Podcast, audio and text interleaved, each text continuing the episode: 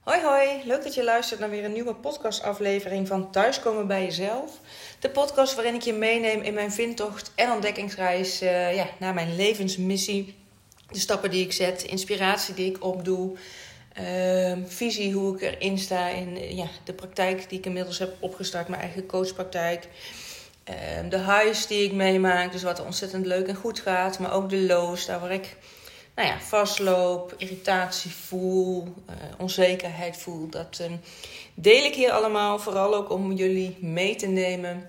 En vooral ook te inspireren om zelf te kijken van... hé, hey, waar sta ik in het leven? Ben ik blij met wat ik doe? Uh, of nou ja, voel je dat het schuurt en word je daar bewust van? En mag je ook wat anders gaan doen? Of het nou in je relatie is, in je werk of wat dan ook...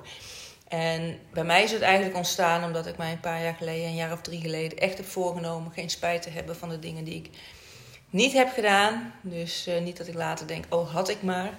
Dus om echt die stappen te zetten. Vandaar ook dat ik nu uh, ja, vol op mijn business inzet met een eigen uh, coach, een eigen business coach. En ja, daar flinke stappen in aan het zetten ben. Um, ja, en dat is dus allemaal getriggerd omdat ik drie jaar geleden ja, heel erg bewust werd. Uh, met mijn neus op de feiten werd gedrukt. Dat het leven ineens heel anders eruit kan zien. Door nou ja, toch het overlijden van uh, een aantal mensen in een hele korte tijd. Mensen die veel te jong waren. Mensen die nog heel veel plannen hadden voor de toekomst. Maar er helaas niet meer uh, ja, vorm aan kunnen geven. En dat maakt voor mij wel dat ik ja, daar heel erg bewust van ben geworden. En dat ik dat dus voor mezelf ben gaan veranderen om mijn ja, leven anders in te gaan vullen. Dus nu mijn eigen coachpraktijk heb en ga afscheid nemen bij de GGZ, geestelijke gezondheidszorg, waar ik al uh, nou ja, een twintigtal jaar werk. En um, ja, jullie daar dus ook voor wil inspireren om vooral de stappen te zetten die uh, leiden naar, een, uh, naar, naar je mooiste leven. In plaats van te blijven doen omdat je dat nou eenmaal ooit gestart bent. Of omdat je dat bent gaan doen omdat anderen vinden dat dat bij je past. Terwijl je eigenlijk, eigenlijk aan alles voelt dat je iets heel anders wil gaan doen. Nou, dan ben je bij mij aan het goede adres. Neem contact op via een DM. En ik kijk graag met je mee hoe daar, uh, nou ja, dat je daar stappen in kan gaan zetten.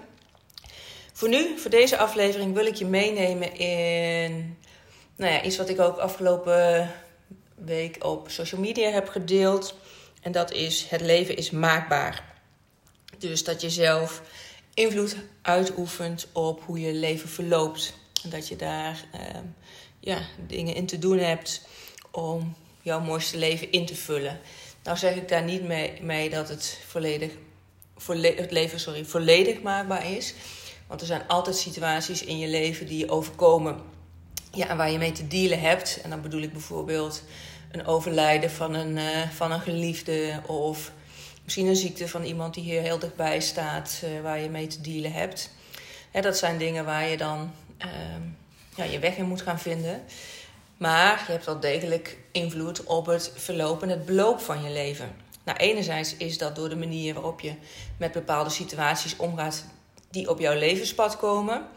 Je eens gebeuren en, en ja, stel je een soort van op als een slachtoffer van de situatie.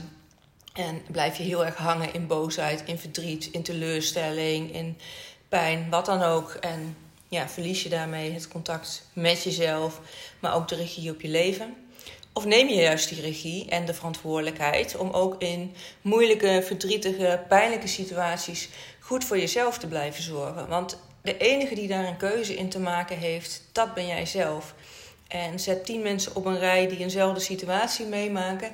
Iedereen zal er op zijn eigen manier mee omgaan, naar aanleiding van ja, eerdere ervaringen, normen en waarden, uh, nou ja, hoe ze op dat moment in hun vel zitten. Maar het maakt dus echt een wereld van verschil als je daar heel erg bewust mee bezig bent. Om daar ja, op een uh, constructieve manier mee om te gaan. En daarmee zeg ik dus ook niet dat je niet boos of verdrietig mag zijn. Want die emoties hebben echt een hele belangrijke functie.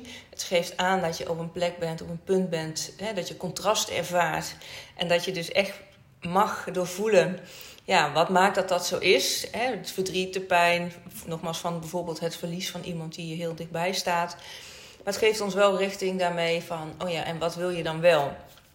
Uh, en, en, welke stappen heb je daarin te ondernemen om niet ja, te overspoeld, uh, niet, niet, zelf niet te overspoelen met die, uh, met die emoties. En een voorbeeld hiervan is bijvoorbeeld dat als je merkt dat je boos bent en je gaat kijken van hé, hey, waar komt het nou vandaan? Dat het je duidelijk kan worden dat iemand over jouw grenzen heen gaat. Dus dan is het belangrijk in het kader van goede zelfzorg dat je grenzen gaat stellen en dat je mensen eh, daartoe stopt. En dat je daarin meer bij jezelf blijft om nou ja, eh, te zorgen voor jezelf dat dat niet weer gebeurt. Maar ook als je heel erg verdriet voelt omdat iemand je ja, uh, dat je iemand verliest, of het nou door een overlijden is of door een vriendschappelijke relatie, een relatie die verbroken wordt. Het gegeven dat je verdriet voelt, laat ook zien hoe belangrijk diegene voor je is geweest en dat misschien eh, nog steeds wel is. Alleen dan heb je daarin ook weer goed voor jezelf te zorgen door te kijken: oké, en wat is er nog meer misschien wel in het leven hè, en, eh, waar je je toch weer aan op kan trekken. In plaats van helemaal weg te zakken in verdriet. Niet meer te slapen, slecht te eten en dat soort, uh, en dat soort dingen. Maar dat je ook kijkt van oké, hoe kan ik met deze pijn toch zo goed mogelijk voor mezelf blijven zorgen. Of misschien hulp inschakelen. Om daar eens met iemand over te sparren of wat afleiding te hebben. Of nou ja, wat dan ook. Dus dat is de ene kant. Kijken hoe je met een bepaalde situatie omgaat. En daar een regie in neemt in plaats van als slachtoffer daarin uh, je mee laat uh, zuigen. En de andere manier is dat je ook echt sturing kan geven aan je leven. Door stil te staan, hoe je iets wil voelen. Uh, nou ja, bijvoorbeeld de dag die je ingaat of in een bepaalde situatie. Dus dat je echt vooruitkijkt op de dag die je aangaat, op de situatie die je aangaat. En dat je daar richting aan geeft door te visualiseren um, hoe je je door de dag beweegt. Door je, dat je echt voelt van oké, zo wil ik me voelen. Sta ik in mijn kracht of ben ik zeker? Uh, nou ja, dat maakt dat je op een heel andere manier de dag ingaat. En eigenlijk een soort regie hebt dan dat dingen je overkomen. Zo visualiseer ik me bijvoorbeeld elke ochtend ja, hoe mijn dag verloopt. En hoe ik me gedurende die dag dan ook echt wil voelen. Ik zeg vaak tegen mezelf dat mijn dag in een flow verloopt. En dat ik lekker in mijn vel zit. En dat ik eh, kracht ervaar. Dat ik duidelijk uit mijn woorden kom. Uh, dat maakt dat, dat ik ja, met een krachtige gevoel de dag instap. En ik heb ook de ervaring dat het echt werkt. Door me uh, nou ja, de dag in te gaan en dus nogmaals te zeggen van hé, hey, mijn dag, dag loopt in een flow. Merk ik bijvoorbeeld dat als ik naar mijn werk rijd en ondanks dat er heel veel file is, dat ik toch op tijd aankom op mijn werk. Of dat er toch net een parkeerplek vrij is dichtbij de ingang, uitgang. In plaats van dat ik uh, drie of vier verdiepingen omhoog moet om een plekje te zoeken in de parkeergarage. Maar ook dat als ik een ontzettend drukke dag heb, dat er onverwachts een afspraak ja, geannuleerd wordt, waardoor er ineens weer ruimte gecreëerd wordt in mijn agenda. Een ander voorbeeld is, wat ik ook echt voel als dat het maakbaar is, het leven, is dat wij, eh, mijn man Jos en ik, op zoek waren naar een huis in Helmond vorig jaar. En dat het echt een nou ja, overspannen woningmarkt is. Uh, waarbij we eigenlijk in eerste instantie uh, rekening mee hadden gehouden van ja, we hebben een, een jaar ongeveer hè, voordat we misschien wel een woning hebben gevonden. En toen hadden we ons ingeschreven in een, in projectbouw waar nog één kavel vrij was. En in eerste instantie, nou ja, stonden nog meer mensen voor ons op de optielijst. optielijst. Dus de makelaar had gezegd dat wij vooral op zoek moesten gaan naar iets anders, want dit zou hem niet worden. En een maand later werden, werden we gebeld dat we toch die woning hadden. En ja, voor mij voelt dat echt als een bevestiging, als het hebben van bewijs. Dat is de manier waarop ik in het leven sta met positief denken, met visualiseren. Hoe ik, dat deed toen, van hey, hoe, hoe wonen wij dan in Helmond? Welk gevoel heb ik dan? Wat voor soort huis zou het zijn? Uh, ja, dat dat ook snel op ons pad is gekomen. Want daar waar soms mensen bijvoorbeeld ook zeggen: Oh, diegene heeft pech, want het gaat altijd mis. Of diegene heeft juist altijd geluk. Uh, ja, dat dat uh, ja, is voor mij niet hetgene wat speelt. Iemand heeft pech of geluk. Nee, iemand is heel bewust aan het aantrekken wat hij vooral over het algemeen voelt of denkt. En dat is de wet van de aantrekkingskracht en creatie en ook kwantumfysica. Dat wat je uitzendt komt naar je toe. Dus zend je vertrouwen uit, rust, um, ontspanning, ja, dan uh, komt dat meer op je pad en ga je daar meer van zien. Of als je juist heel onrustig bent, heel gespannen bent, angstig bent uh, voor wat er komen gaat, ja, dan zul je merken dat daar juist meer van op je pad komt. En daarin heb ik ook nog wel een leuk voorbeeld, want ik werk nog steeds dus bij mijn baan- en loondienst als sociaal-psychiatrisch verpleegkundige, waarbij we met een aantal mensen om ja, eens in de zoveel tijd een week consignatiedienst hebben. Dus dat betekent dat we echt beschikbaar zijn voor de achterwacht eigenlijk zijn voor collega's op de kliniek. Dat als er iets is, dat ze kunnen overleggen met ons. Maar ook dat als er onverhoopt uh, opschaling nodig is aan, in de bezetting op de kliniek. Dat je eigenlijk de eerste bent in de rij die dan gebeld wordt. Om dan uh, naar de afdeling te komen. Ja, het kan ook zijn dat je s'nachts gebeld wordt als ze willen overleggen. De verpleegkundige van de kliniek. Omdat er iemand belt waar ze nou, op dat moment even advies voor nodig hebben. En omdat ik elke dag mij, uh, mijn intentie zet voor de dag. Dat alles in een flow verloopt, rustig verloopt. Dat ik ja, in alle rust dingen kan doen die ik wil en moet doen. Merk ik, en dat is ook weer een, ja, echt waarin ik geloof dat dat dus maakt dat mijn conciliatiediensten over het algemeen heel rustig zijn. Dat ik precies gebeld word op momenten dat het uitkomt. Als we bijvoorbeeld, nou ja, van de week was ik heb nu conciliatiedienst van het weekend, ging ik met George de stad in. En we zitten net even ergens rustig koffie te drinken op het moment dat ik gebeld word. Wat natuurlijk veel met, ja, prettiger spreken is, even met mijn collega, om uh, die te ondersteunen dan in mijn hardlooprondje. Waar ik lekker mijn focus heb op uh, het buiten zijn en uh, ja, lekker lopen. Ehm, ook hoor ik wel eens van bij collega's dat we gekscherend zeggen van... oh, die heeft dienst, dan zal het wel weer hectisch worden. En dat geeft diegene dan ook vaak aan van... hé, hey, in mijn dienst gebeurt er altijd weer wat. En dat is dus echt weer voor mij weer echt een voorbeeld van...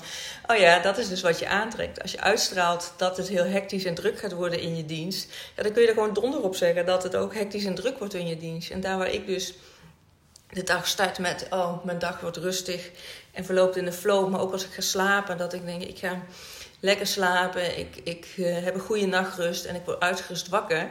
Betekent dus ook dat ik eigenlijk s'nachts nooit gestoord word met belletjes. Omdat dat is wat ik uitzend richting het universum en dus terugkrijg in de realiteit. Nou, en dat is voor mij de maakbaarheid van het leven. Dus dat je daarin echt ja, wat te doen hebt als je uh, ja, daar je beter bij wil voelen, maar ook ja, nogmaals de invloed op kan uitoefenen. En dat is een kwestie van bewustwording, een kwestie van oefenen. En ik besef me te degen dat, het ook, dat ook ik daar nog steeds heel veel in te leren heb. Want ja, hoe meer ik hiermee vertrouwd raak en hoe beter het gaat, hoe meer ik natuurlijk ook de grote manifestaties op me af kan roepen. Al vind ik het huis in zo'n korte tijd realiseren echt een hele grote manifestatie. Maar er zijn ook nog uh, ja, andere dingen die op mijn wensenlijst staan en uh, waar ik mee bezig ben. Dus dat is altijd iets om, uh, ja, wat ik vooral blijf doen en mezelf in blijf ontwikkelen. Maar waar ik dus ook andere mensen mee help om uh, juist hier meer, ja, hiermee meer in hun kracht te gaan staan. En echt die verandering van mindset, van dingen overkomen je niet. Oké, er gebeuren, komen situaties op je levenspad waarmee je te dealen hebt. Maar daarin heb jij dus de regie te nemen van hoe je daarmee omgaat. Hoe je met je emoties omgaat. Hoe diep je daarin laat mee sleuren, bij wijze van. Of dat je de regie pakt en uh, er op een constructieve manier mee omgaat, ondanks de pijn en de verdriet. En ook dus hoe start je een dag op uh, om, nou ja, uh, het met die, datgene wat je wil, dat dat ook ja, gaat gebeuren. Wil je hier nou meer over weten? Laat het, me dan, ja, laat het mij dan weten. Neem contact op via een DM op Instagram dan denk ik met alle liefde met je mee in hoe jij er hier eh, stappen in kan gaan zetten. Um, en nogmaals, als je ook op een kruispunt staat in je leven waarin je denkt van hé, hey, het schuurt aan alle kanten, dit is echt wat ik niet meer wil. Of het nou een relatie is, in werk, in überhaupt wil je niet weten waar je staat uh, in het leven. Ook dan neem dan contact met me op. Want ik kijk graag met je mee om daar weer regie over te pakken en in je kracht te gaan staan. En te kiezen vanuit wat in de kern bij jou past, in plaats van te doen wat je gewend bent om te doen of waar je van je denkt dat anderen dat van je verwachten. Want het leven is te kort om niet het mooiste leven te leven wat je wil. En dat gaat ook ontzettend snel voorbij. Je knipt een keer met je ogen en uh, voor je het weet ben je een week, een maand of een jaar verder. En uh, nou ja, om te voorkomen dat je op je sterrenbed denkt van, oh had ik maar. Uh, nou ja, zie dit dan als een, uh, een call to action om met mij in contact te komen en vandaag de keuze te nemen om je leven vanaf nu anders te gaan inrichten. En je bent nooit te oud ervoor. Elk moment is goed. Uh, tot het moment dat je de laatste adem uitblaast. Want uh, ja, voor dit leven hier is het dan toch, toch echt te laat. Ik ben benieuwd wat je ervan vindt. Deel dat ook vooral met me. En ik wens je voor nu een hele mooie dag en een heel mooi leven toe. En ik spreek je graag in de volgende aflevering.